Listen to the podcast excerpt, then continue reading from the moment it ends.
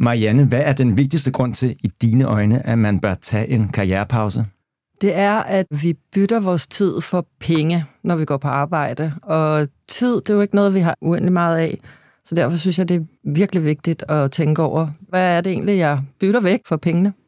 Hvad med dig, Jonathan? Hvad tænker du? Altså, hvad er i dine øjne den allervigtigste grund til, at man bør tage en karrierepause? Investere i sig selv. Giv sig selv lov til at, at lege med det usikre. Tid og penge, og man skal også bruge nogen på sig selv.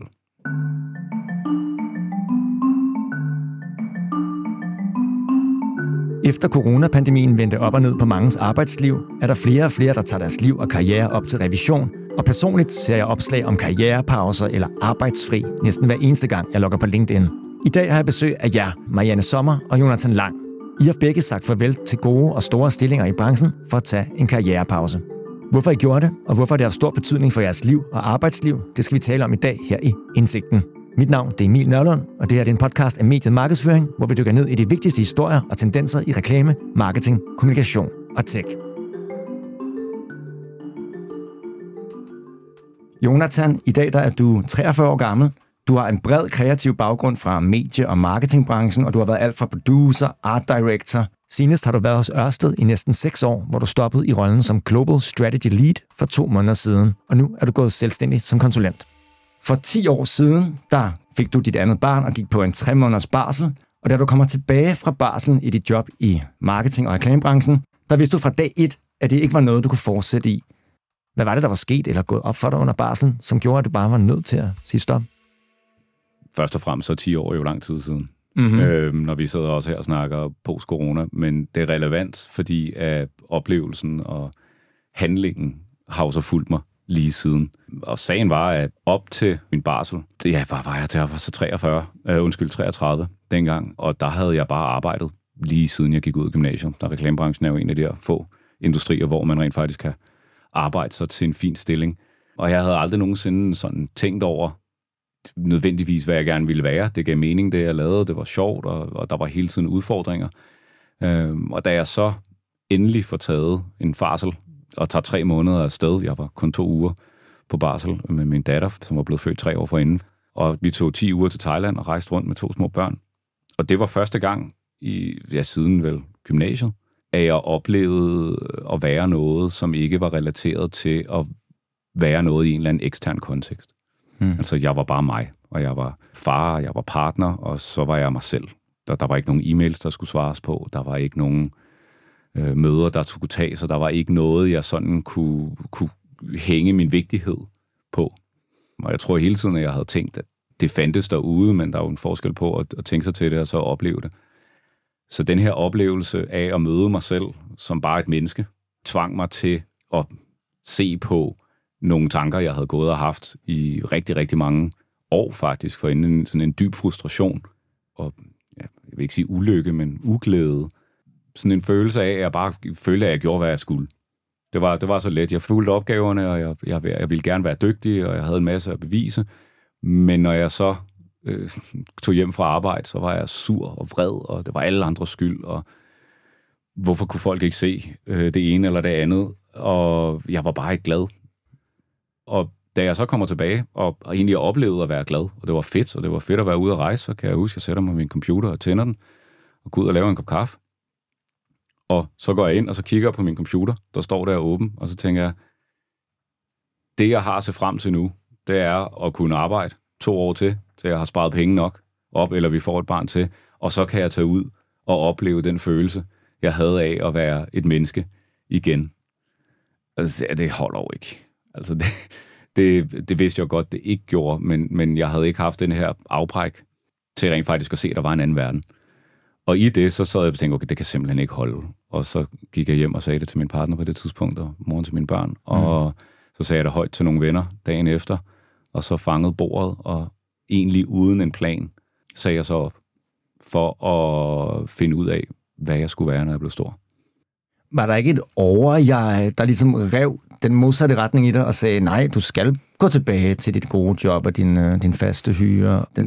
Nej, fordi jeg vil sige, det her med øh, identiteten er jo knyttet rigtig meget op på, øh, hvad vi laver. Jeg, jeg prøvede mig ikke om at snakke om det i sådan en underlig bred tredje, tredje person, men for mig i hvert fald havde jeg da helt klart en stærk identitet knyttet op på at være noget. Jeg var vigtig, jeg var gik i møder, jeg vendte pitches, jeg lavede kreative ting, jeg lavede rapmusik og alle mulige, alle mulige eksterne ting, som jeg definerede mig selv som. Så den første oplevelse egentlig i arbejdspausen, og det her til alle mændene, I er ikke så vigtige, at I ikke kan undvære, så tage den barsel, som I, øh, I har ret til, alt sammen. Fordi det var først der, at jeg oplevede, at jeg også var noget, bare når jeg ikke lavede noget. Det var faktisk mere som om, at jeg kom tilbage på arbejde, og så tog jeg en kappe på, altså så tog jeg en identitet på, og så skulle jeg lige pludselig til at identificere mig selv ved alle de her ting, som jeg havde konstrueret op omkring, hvem jeg var som menneske, og de, de passede bare ikke. Tøjet passede ikke længere. Så jeg var ikke sådan bange for at miste min identitet, fordi jeg kunne se, at den identitet, jeg havde, den var ikke bygget op omkring noget, jeg rent faktisk gerne ville være.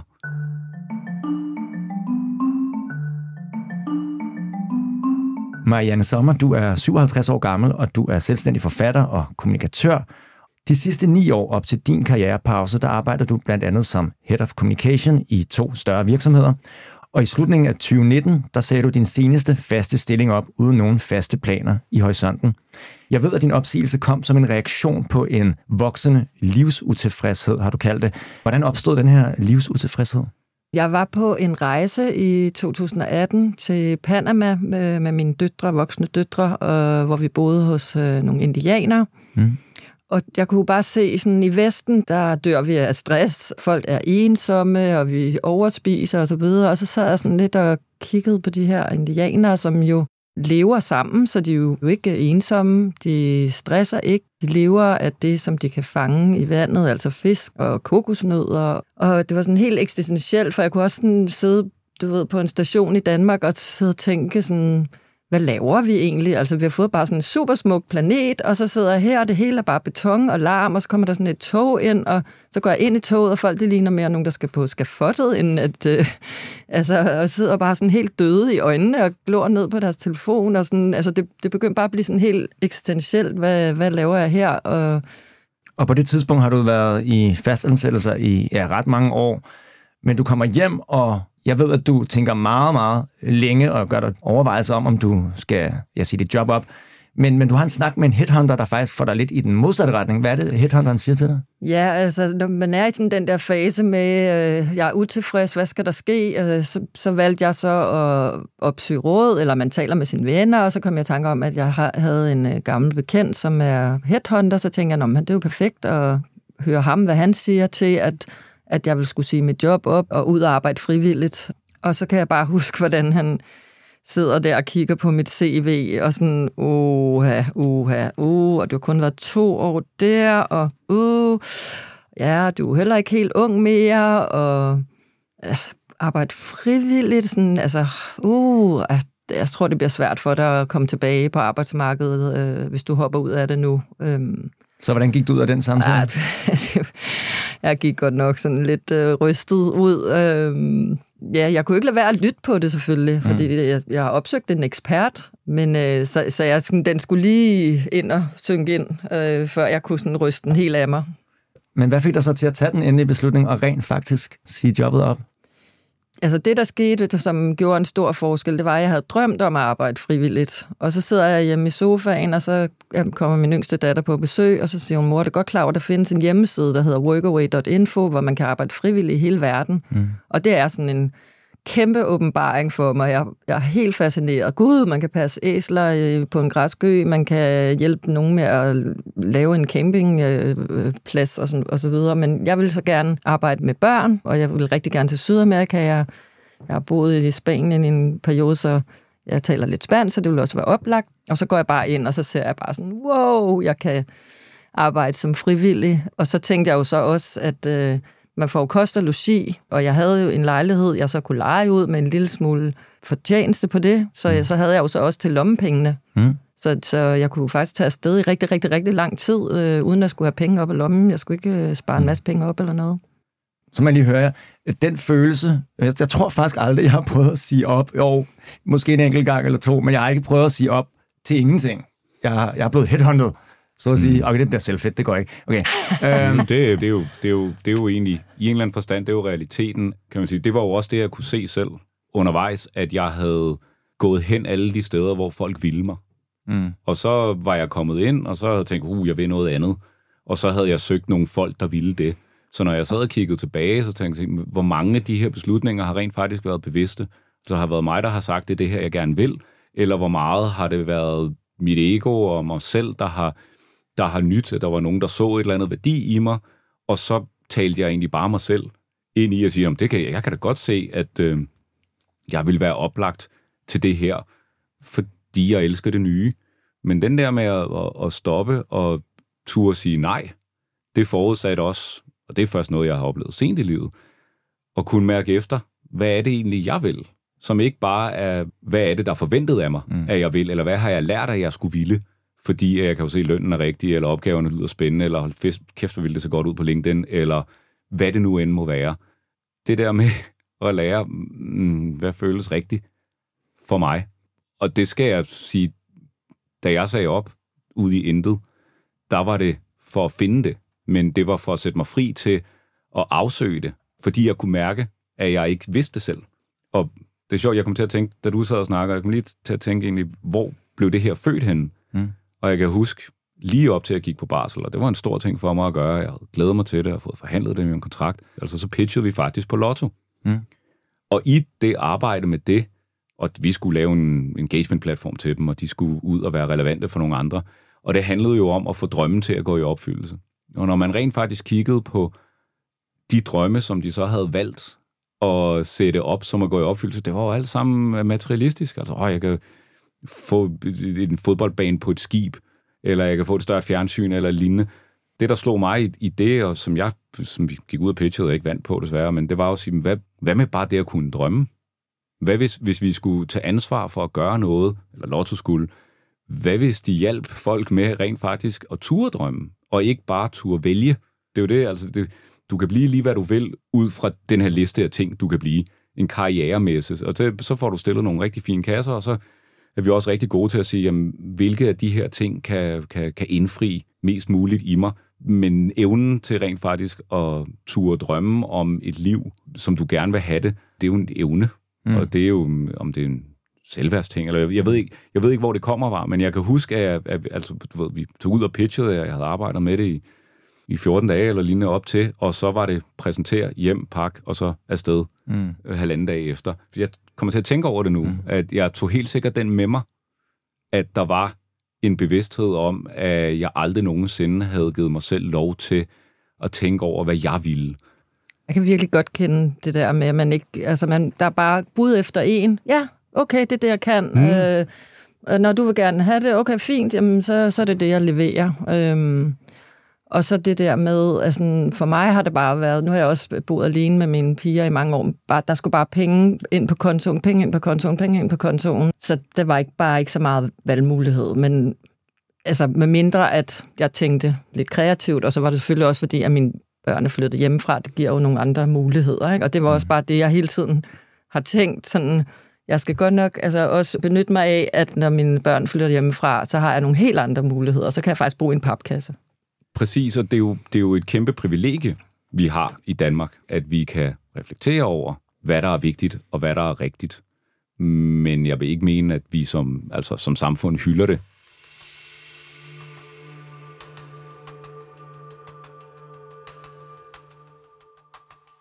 Hvordan reagerede jeres kolleger, jeres familie, jeres netværk egentlig på, at I trak stikket uden at have en forkromet plan? Altså sjovt nok, så var jeg mest bange for at sige det til mine forældre, fordi jeg er bare opdraget med sådan, du skal arbejde, arbejde, arbejde. Og jeg var faktisk overrasket over sådan, nå okay, men altså, jeg har også lavet andre ting i mit liv, så måske kommer det ikke helt så meget bag på dem som andre, men, men, øh, men, øh, men ellers synes jeg faktisk ikke, mm. folk de synes bare sådan, wow, skal du ud og arbejde frivilligt? Der er mange, der går og drømmer om det her øh, og gøre det. Så det fandt jeg da i hvert fald også ud af nu snakkede jeg ikke med vildt mange mennesker om det, før jeg tog beslutningen, så er jeg sikker på, at der, der var rigtig mange mennesker, der ville måske have talt mig fra det. Og jeg havde jo også sådan en masse jobskifter og folk, der havde holdninger til, hvad det ville betyde for at kigge på mit, mit CV. Men min oplevelse var, da jeg havde sagt det, og da jeg havde gjort det, og folk forholdt sig til det, at så mødte jeg egentlig kun mennesker, der sagde, wow, det er modigt, det har jeg også altid drømt om. Meget tankevækkende, at det var helt sikkert noget, som, som alle folk et eller andet sted havde gået og, og sådan en lille frø, der lå ind i dem, Men der var omstændigheder i deres liv, fordi vi låser os jo ret hurtigt til nogle forbrugsmønstre, så hvordan slipper vi fri fra dem? Måden, jeg sådan ramsatte det på over for folk, det var, at jeg tog et sabbatår. Altså, jeg, jeg kan huske, at jeg meldte mig til et, øh, et radioprogram, fordi jeg vidste ikke, hvad jeg skulle, og så tænkte jeg, jeg kan godt lide at lave radio, og jeg har jo en rigtig dyb radiostemme, og så tænkte jeg, så, altså, så lad os starte der, og så var, var der sådan en invitation til at komme ind i et åbent studie, og så tænkte jeg, det gør jeg der, så skulle jeg finde ud af, hvad er det, jeg skal snakke om, og hvordan skal jeg fortælle om det her, jeg har gjort, og så sagde jeg, at jeg tager et sabbatår. Fordi at sabbatårene er jo spildt på de unge. Altså, altså, klart, når du er 18, at du så skal tænke over, hvad du gerne vil være, når du bliver stor. Altså, du vil gerne være fuld sandsynligvis, eller, eller kysse med nogle piger, eller nogle drenge, eller, eller, eller hvad det må være. Men det der med at, at tage en pause, når du har bygget dig nogle erfaringer og prøvet at opleve livet, jeg skal ikke sige, at det, det burde samfundet gøre, men det var i hvert fald en, en gave, jeg gav til mig selv. Din karrierepause, Jonathan, den varede fra 2013 til 2014, og du, som du selv siger, det var ikke fuldstændig arbejdsfri. Øh, du, du lavede en masse sådan, uh, kærlighedsprojekter, eller hvad kan man kalde løsbet, mere løsbetonede projekter? Jeg lavede nogle få ting, som var, var løsbetonet, og så gik jeg jo også ud og søgte folk, der gerne ville mig. Og så prøvede jeg faktisk at altså, gå fra at være, være vigtig per i reklamebranchen til at komme i praktik i Radio 24 Rest in Peace. Hvilket var sjovt, fordi at jeg havde været øh, altså pitchet projekter og arbejdet sammen med dem der, og så lige pludselig så mødte jeg kunder på trappen, øh, som jeg havde arbejdet for et år for inden, og så sagde jeg, hvad laver du her? Nå, jeg er i praktik på Radio 24 og prøver at være dårlig. Og en ting er at være dårlig, men hvad med det statusfald? Altså, hvordan det var, det? det, det øh, der vil jeg nok sige faktisk, den reaktion, jeg fik fra folk, som sagde, wow, hvor er det modigt, og dem, der sagde, det har jeg også altid drømt om at gøre, fik mig til at tænke, at jeg kunne godt se arbejdet og, og jeg vil ikke sige bedriften, men jeg kunne godt se, at det, jeg gjorde, det, var, det havde en værdi i sig selv. Altså, der var noget... Jeg, jeg, jeg skammede mig ikke, fordi jeg vidste jo, det var svært, og jeg synes, det er nødvendigt, hvis man ønsker at udvikle sig, og man også accepterer, at man er dårlig. Og jeg havde også behov. Jeg var så fuld af, jeg var så selvfed. Jeg var så perfekt og god til alt det, jeg gjorde. Det var alle andres skyld, at de ikke kunne se det. Jeg tænkte, okay, jeg lige prøve at knække mig selv lidt, og prøve at, at lære noget nyt. Og det var jo også derfor, jeg gjorde det. Så ja, jeg, jeg lavede en masse forskelligt. Og det, der nok var, eller det, der var fejlen i det, det var, at jeg hele tiden søgte efter, at det skulle gøre mig lykkelig. Hvorfor var det en fejl? det bliver simpelthen så, når jeg, når jeg, når jeg har fortalt den her historie, det er så, så åbenlyst, fordi jeg jo lidt efter lykken uden for mig selv. Jeg gik jo og tænkte, hvis jeg laver det her projekt, hvis jeg, du ved, okay, så kunne jeg godt tænke mig at lave radio, og så kom jeg i praktik, og det kunne jeg godt snakke mig ind til. Og så lavede jeg nogle radioprogrammer, sådan, ah, ah, det føltes ikke helt. Så skulle jeg lave radiofeatures og blev udgivet på Third Year. Det er altså sådan noget rimelig swag-agtig LinkedIn-hype, øh, mm-hmm. og det, jeg var ikke, altså, det gjorde mig bare der, der var ikke noget. Der mm. var ikke nogen øhm, sådan, det fyldte ikke det der hul mm. inden i mig. Og det brugte jeg så et år på, mm. Øh, at prøve alle mulige forskellige ting af. Mm. Og det var først i den erkendelse, der var altså igennem samtaler med min partner og nogle store sådan, eller ikke nogle store faktisk, nogle enkeltstående åbenbaringer, hvor jeg kunne se, jamen, jeg kigger jo det forkerte sted. Altså, jeg, jeg, jeg kigger hele tiden efter et eller andet uden for mig selv, der skal gøre mig lykkelig, når jeg ikke er i stand til at finde den inde i mig selv. Og sådan med den erkendelse, og det er jo simpelthen så banalt, ikke? Altså, det er ligesom punchline i en rigtig dårlig romantisk komedie eller lignende.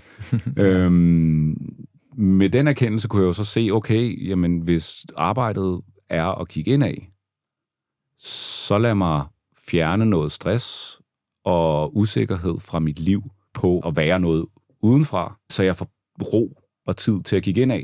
Lad mig gå ind og gøre noget, jeg er i stand til, altså som jeg ved, jeg er god til, som er at lave reklame og marketing og alle de her ting, som jeg lavede før, som gav mig et helt andet formål, som var mit eget, til at vende tilbage til at kunne det, sige, jamen nu gør jeg det her, fordi at, at det ved jeg, hvad er. Mm. Og jeg ved, jeg er relativt god til det, og jeg, der er nogle mennesker, som rent faktisk gerne vil mig, og, og vil have det, jeg har at byde på. Og med det, så får jeg noget plads til at søge ind af og få nogle penge, og, og kan betale mine regninger, og kan tage på et meditationsretreat, og ligesom kan fokusere på mig selv. Og det gav mig sådan lige pludselig et nyt formål, mm. at jeg også havde noget værdi, og, og, og, og jeg var værd at investere i.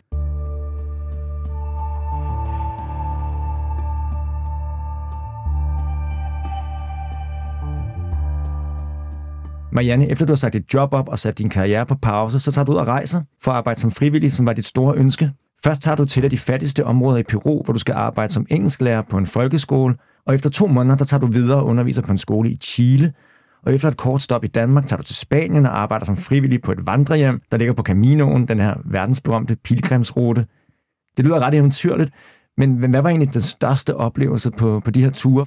Det var eventyrligt øh, hver del øh, af det, jeg lavede, men det, som der rører mig mest, det var i Peru, hvor børn ikke, øh, hvis de er meget fattige, har de ikke, øh, kan de ikke komme i skole. De har ikke engang råd til bøger. Og så den her organisation, jeg arbejdede for, de sørgede så for ved at have nogle frivillige, at børnene kunne lære at læse og skrive og lave matematik. Og være der, altså det, altså også tænke over også bare, hvor heldig man selv har været med sit eget liv, for det er jo total roulette, hvor man er født hen i verden. Og se, hvor lidt de havde, og alligevel at kunne gøre en eller anden, følte jeg i hvert fald, forhåbentlig kunne gøre en eller anden form for forskel, fordi de ville faktisk aldrig nogensinde kunne læse og skrive og lave matematik, ikke? hvis ikke at der var de her frivillige, der kom og, og hjalp. Så jeg, selvfølgelig ved jeg godt, at det er bare en lille fnuk, jeg har gjort det forskel, men det var bare ekstremt rørende, og de havde vidderligt ingen, ingen, ingen, ingenting.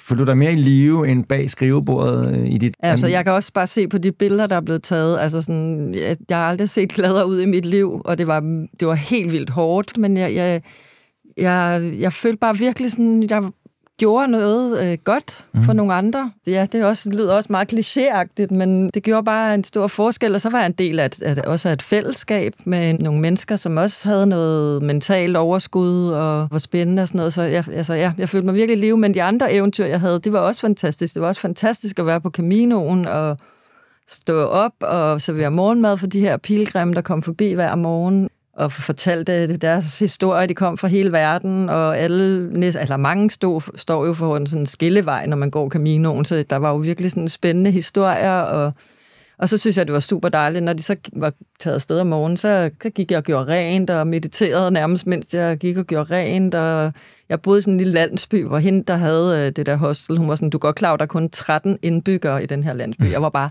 det er perfekt. øh, der var helt stille, der var bare den her lille kirke og en lille café, og mm. altså sådan, så netop det der med, at du også nævner, øh, at øh, og, og bare kunne sådan være. Ja. Jeg gik bare nogle lange ture, og det er bare sjældent, man har, har mulighed for det, eller man gør det i hvert fald. Ikke? Hvad lærte du af det undervejs her? Ja, så en ting, jeg i hvert fald lærte også, det er sådan, gud, jeg kan faktisk kaste mig ud i alt muligt, og så lander jeg fuldstændig på benene. Altså, øh, jeg var jo mega bange, altså inden jeg skulle til Peru, hvad er det, jeg har rodet mig ud i, og skal jeg tage flyet øh, altså om dagen eller om aftenen? Jeg må hellere tage det om dagen, for hvad nu, hvis de ikke kommer og henter mig? Hvad hvis det altså sådan ikke er rigtigt-agtigt? Altså, hvad, hvad pokker jeg rodet mig ud i? Ikke? Jeg ved, at du, efter du satte dit job op, aldrig nogensinde er vendt tilbage til et fuldtidsarbejde, og du ikke har nogen planer om det. Men det var ikke noget, der stod skrevet i sten tilbage i 2020. Men hvornår i din karrierepause fandt du egentlig ud af, at det her ikke bare var en karrierepause, men at du faktisk skulle noget helt andet end et fuldtidsarbejde inden for kommunikation? Der var en, en jobsamtale, hvor jeg virkelig sådan tænkte over det, hvor de spørger, hvordan ville du så have det med, at du skulle kommunikere noget ud af huset, som du ikke var enig i? Ja.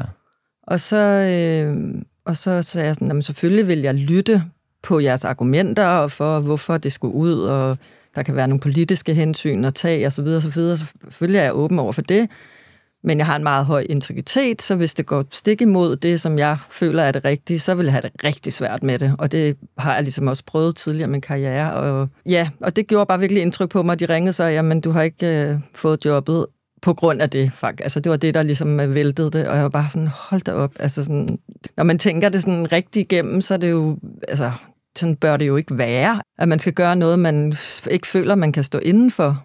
Det synes jeg faktisk er det, der er med til at nedbryde en, og det var også det, jeg mærkede i mit tidligere job, at jeg kunne slet ikke stå inden for værdier eller noget som helst. Den headhunter, du havde talt med, inden du tog at rejse, har jo sagt, at det ville være virkelig dårligt for din karriere at trykke pause på den. Kunne du mærke det, da du kom tilbage og faktisk søgte fuldtidsarbejder igen, at, øh, at det var uh, forfærdeligt, at du havde gjort, øh, været ude at rejse og arbejde ja, frivilligt? Ja, så i min jobsøgningsproces, der, da jeg kommer tilbage, der taler jeg med, med en anden headhunter, og han er bare sådan, wow, hvor er det fedt, at du har gjort det her, og sådan total high five, og altså, så taler vi så lidt mere altså, længere tid sammen, og, og der, der har jeg jo også ligesom haft de der tanker med, at jeg skal nok ikke tilbage til en virksomhed igen, øhm, så han ender faktisk med at sige, ved du hvad, jeg tror altså, altså, jeg tror altså, du skal være selvstændig, øhm, men altså, jeg følte på ingen måde, at det trak fra i mit CV. Slet ikke. Har du nogensinde følt, at det træk ned, at du havde øh, en Jamen, altså det, blank space? Øh, aldrig, og det, det sjove er, at jeg har aldrig nogensinde været arbejdsløs. Fordi så er jeg freelancer. Altså det er jo, det er jo storytelling, og det, det har jeg også snakket med utrolig mange om, både venner og kollegaer og, og, og medarbejdere, at vi er vores karriere af den historie, vi fortæller om os selv. Og du ved, nu skal jeg ikke anfægte præmissen for, for programmet, men det er egentlig hele det her med at sige karriere på pause. Det er det jo ikke. Altså, at, at tro, at karriere er der, hvor du udfører arbejde, det, det, det, det er jo, vi er jo mennesker, som gør noget, vi er gode til. Og et år væk fra arbejde, det er jo ikke at holde pause på din karriere, det er at, at, at dygtiggøre dig som menneske, og ligesom at det heller ikke er et karriereafbræk, når kvinder de tager et års barsel, og mænd for den sags skyld også. Det, man lærer i den tid, er jo noget, man tager med sig. Det var det i hvert fald for mit vedkommende. Det var noget, øh, altså, tager med sig i, i, hvem man er, og med mindre vi står på en fabrik og trækker et håndtag i den her vidensindustri, som øh, lytterne sandsynligvis her er i, altså så er den, vi er som menneske, er jo en, en del af det virke, som vi udfører.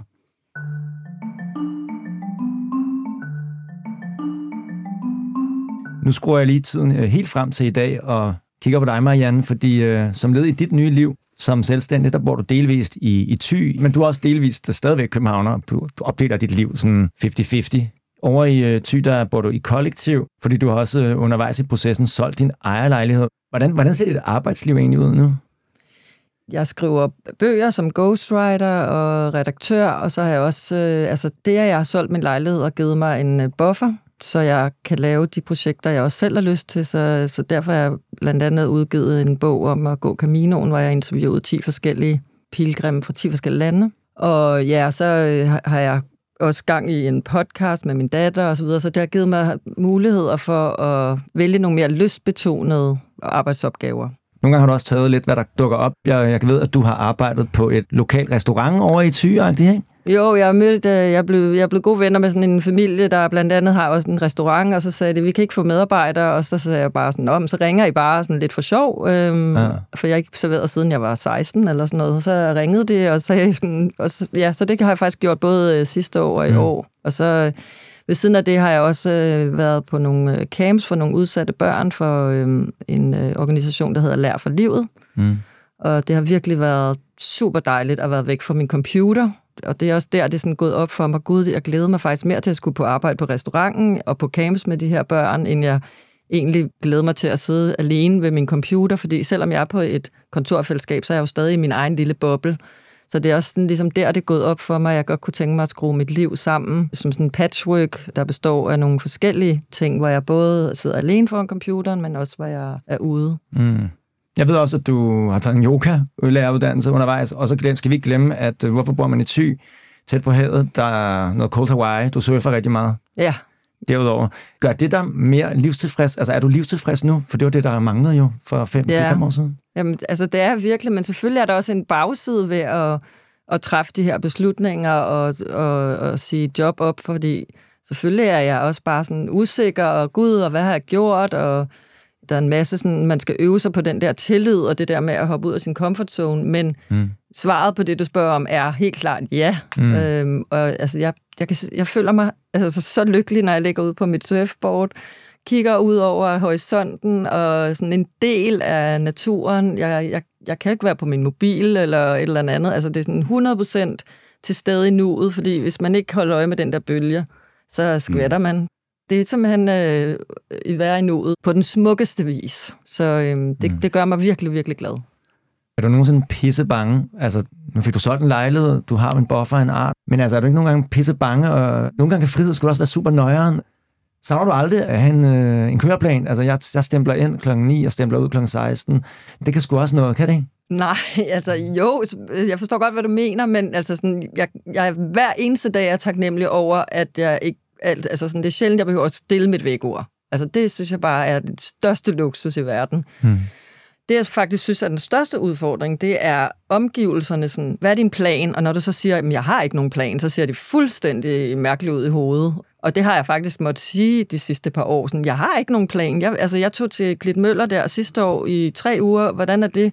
Der havde lige solgt min lejlighed, og sådan, så endte jeg med at blive der fire måneder. Altså sådan, jeg havde ikke nogen plan. Jeg solgte min lejlighed uden at vide, hvor jeg skulle hen, og så ringer jeg til en veninde og siger, nu selv er min lejlighed. Og så, Nå, men du kan bo hos mig, så der boede jeg så, inden jeg tog op til mm. Thy. Ikke? Altså sådan, så jeg synes det mere det, at den der struktur, der er i omgivelserne, der er helt sådan, hvad skal du så, hvorfor, og hvordan, og hvad er din plan, og mm. altså sådan, det synes jeg faktisk er det sværeste i det. Altså sådan, så hvis jeg selv ender med at glemme det, så er der i hvert fald helt sikkert en masse, der nok skal huske mig på det. Ikke?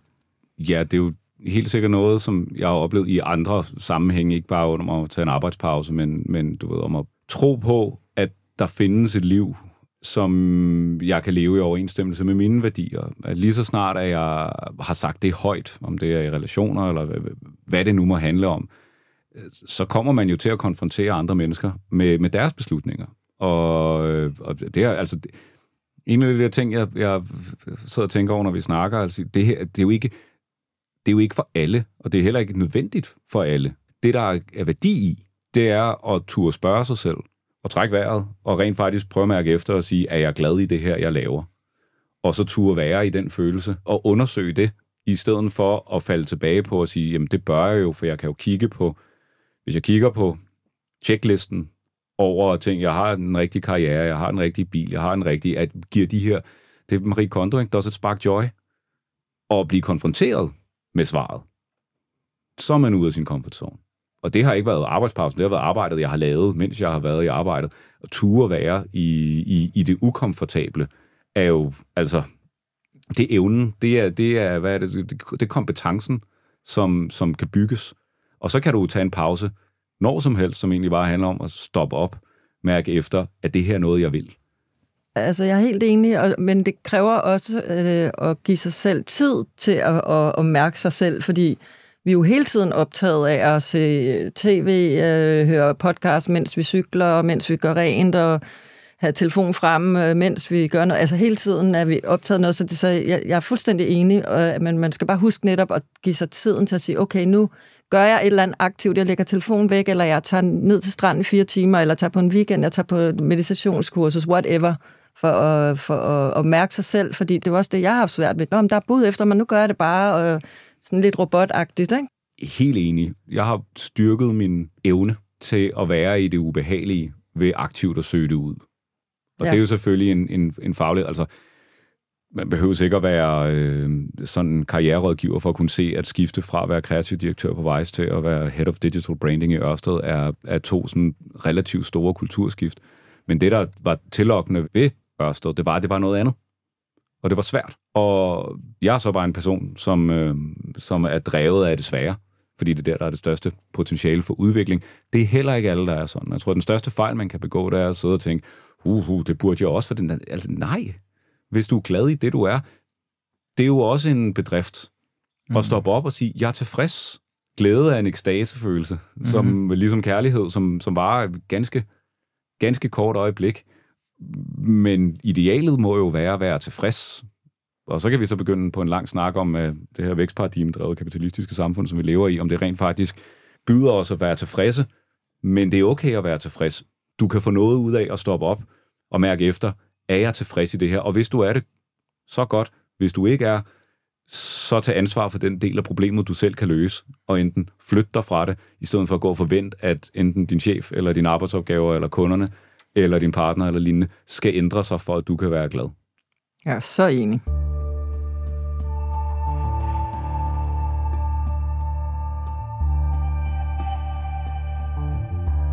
Som jeg også nævnte i starten af programmet, så kan jeg jo svært logge ind på LinkedIn, uden at se nogen, der trykker deres karriere på pause, eller holder karrierefri, eller, eller hvad de kalder det.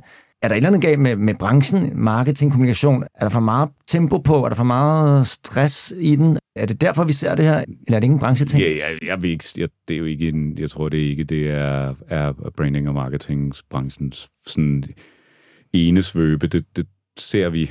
Det er bare sådan, system, samfundet fungerer, og vi går i skole for at passe ind i nogle rigtig fine kasser, og så lærer vi, at der er værdi i at kunne sidde stille i otte timer og gøre, hvad du bliver bedt om at dygtiggøre dig inden for noget, som du ikke nødvendigvis ved, om du er, og så kan du nå dit næste performance-mål.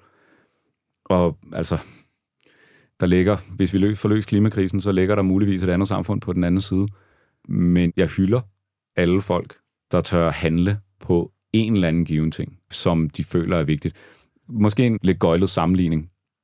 Jeg er også blevet skilt, og du ved, en del af det at tage job i corporate og på kundesiden, det var jo også, at I måske kunne have prøve at redde mit, øh, mit forhold og alt den flugt, jeg havde lavet at flygte ind i et arbejde og lære mine børn at kende, og det har jeg også gjort. Og, og når man bliver skilt, og jeg har selv været en af dem, så er der ligesom to måder, som folk reagerer på, når du siger det. Så siger de enten, nå, ej, det er jeg virkelig ked af at høre, så virkelig empatiske ansigtstræk. Og så er der dem, der siger tillykke. Og jeg var helt sikkert i tillykke-kategorien. Og det var sjovt selv, når jeg fortalte det, at alle folk sagde øhm, tillykke. Og så tænker jeg, det, var en, det kan jeg godt se, det er en vild ting at sige. Men det er jo vidnet om, at der er blevet truffet en beslutning. Der er nogen, der har valgt, om så enten det er sandt, hvad der står på LinkedIn eller lignende, men, men der sker en forandring. Og der har været noget, der ikke har været gavnligt for den givende person, som der nu er blevet taget en handling på. Og, og det er, som du siger, og som du også, Emil, eluderer til, altså frygten. Mm. Frygten for, hvad der ligger på den anden side, det kan jo holde os så godt fast i det bestående. The pain that I'm used to. Det er så let og trygt at sidde fast i noget, som er irriterende, fordi i fraværet af det, hvad er der så tilbage? Men virkeligheden er jo, at når du, det har jeg selv skulle arbejde med, også i, i, i forhold til at, at blive selvstændig. Jeg var så bange for, at hvis der ikke var noget sikkerhedsnet, hvad ville der så ske? Mm. Men når det så ikke længere er der, så den frygt, den er også væk. Og al den energi, jeg har kanaliseret i at prøve at undgå at stå i den situation, bliver lige pludselig frigivet. Det er jo vildt skræmmende. Fordi mm. så lige pludselig, så er, der, så er der et kæmpestort hul, som ikke er fyldt op med, med følelser, eller mm. tanker, eller handlemønstre. Og så skal jeg til at fylde dem ind med noget nyt. Og med en stram hverdag, og to børn, og det ene og det andet terminsbetaling og lignende, det, det, jeg forstår godt. Altså, det tog mig rigtig mange år mm. at nå til, til det, og alle mulige du ved, snublen på vejen. Jeg er hånden på hjertet helt klart en af dem, der ikke særligt tit har kigget ind i en blank væg og bare tænkt sig om og mærket efter. Og ligesom du nævnte tidligere, Jonathan, så er jeg også en af dem, der bare hvis folk har rækket mig en hånd, så jeg taget imod den og hoppet på det næste tog. Når jeg hører jer tale, så får jeg også mega meget lyst til en karrierepause. Og jeg kunne godt finde på at tale om det til Gud og være mand i uendelighed, og bare sige, gør jeg det, nu gør jeg det, og det mm. vil aldrig ske til noget, for jeg vil mangle den sidste gnist af mod. Hvad er det, vi skal gøre for at få mod til det? Hvad kan man, hvad kan man gøre for at komme det sidste stykke? Altså, jeg synes, det er lidt step by step med, at man starter med at føle den her utilfredshed, og så kommer men altså, det gjorde jeg i hvert fald, kommer til den der sådan, øh, afsøgende, undersøgende, fuld af dårlige undskyldninger fasen. Og det er den for mig, der er den sværeste. Fordi lige så snart beslutningen er truffet, så går man over i action mode. Og så er det bare action, action, action, og så, og så kommer man jo så ud på den anden side. Gud, og så kan man se tilbage, jamen det var jo alle mine tanker om altså frygten, frygten, frygten. Det var jo den, der gjorde, at det var svært, og nu gjorde jeg det, og så landede jeg jo sådan rigtig på benene. Og, og det der sådan, for mig er det sådan lidt en muskel, man skal træne for at komme ud af sin comfort mm. zone, mm. fordi jeg er helt sikker på, at de fleste vil finde ud af, at når, når du har gjort det, så finder du ud af, sådan, gud, det gik jo godt, og det kan jo være bare mindre ting, at sige, jeg er bange for at springe fra 3 meter vippen, eller Præcis. et eller andet med at holde et foredrag, eller et eller andet, og så er jeg bare 100% sikker på, at de fleste vil finde ud af, sådan, gud, alle de tanker, jeg havde inden, de bliver gjort fuldstændig til skammen. Og jeg kan ikke regne den ud. Man kan, man kan ikke regne ud, hvad der sker. Altså sådan, prøv at slippe det. Jeg har nogle sten, jeg har malet på, hvor der står tillid, fordi jeg kommer der også i tvivl. Og når jeg så kommer i tvivl, så går jeg over og rører ved de her sten tillid, eller også maler jeg nogle endnu flere, eller et eller andet, fordi det er sådan ligesom min go-to et eller andet sted for at huske mig selv på sådan, altså give frygten baghjul, og så skifte den ud med en masse tillid. Jeg synes, du siger det perfekt, det er en muskel, det er en, det er en evne, og det første, man kan gøre, et, acceptere, at du måske ikke er særlig god til det. Til, at, til at, at mærke efter. Til at, mm. eller, eller til, altså, ja, enten til at mærke efter, eller til at være i det ubekvemme rum, i en ubekvem følelse. Nu er du lige sprunget ud som selvstændig for to måneder siden. Ja. Er det ubehageligt?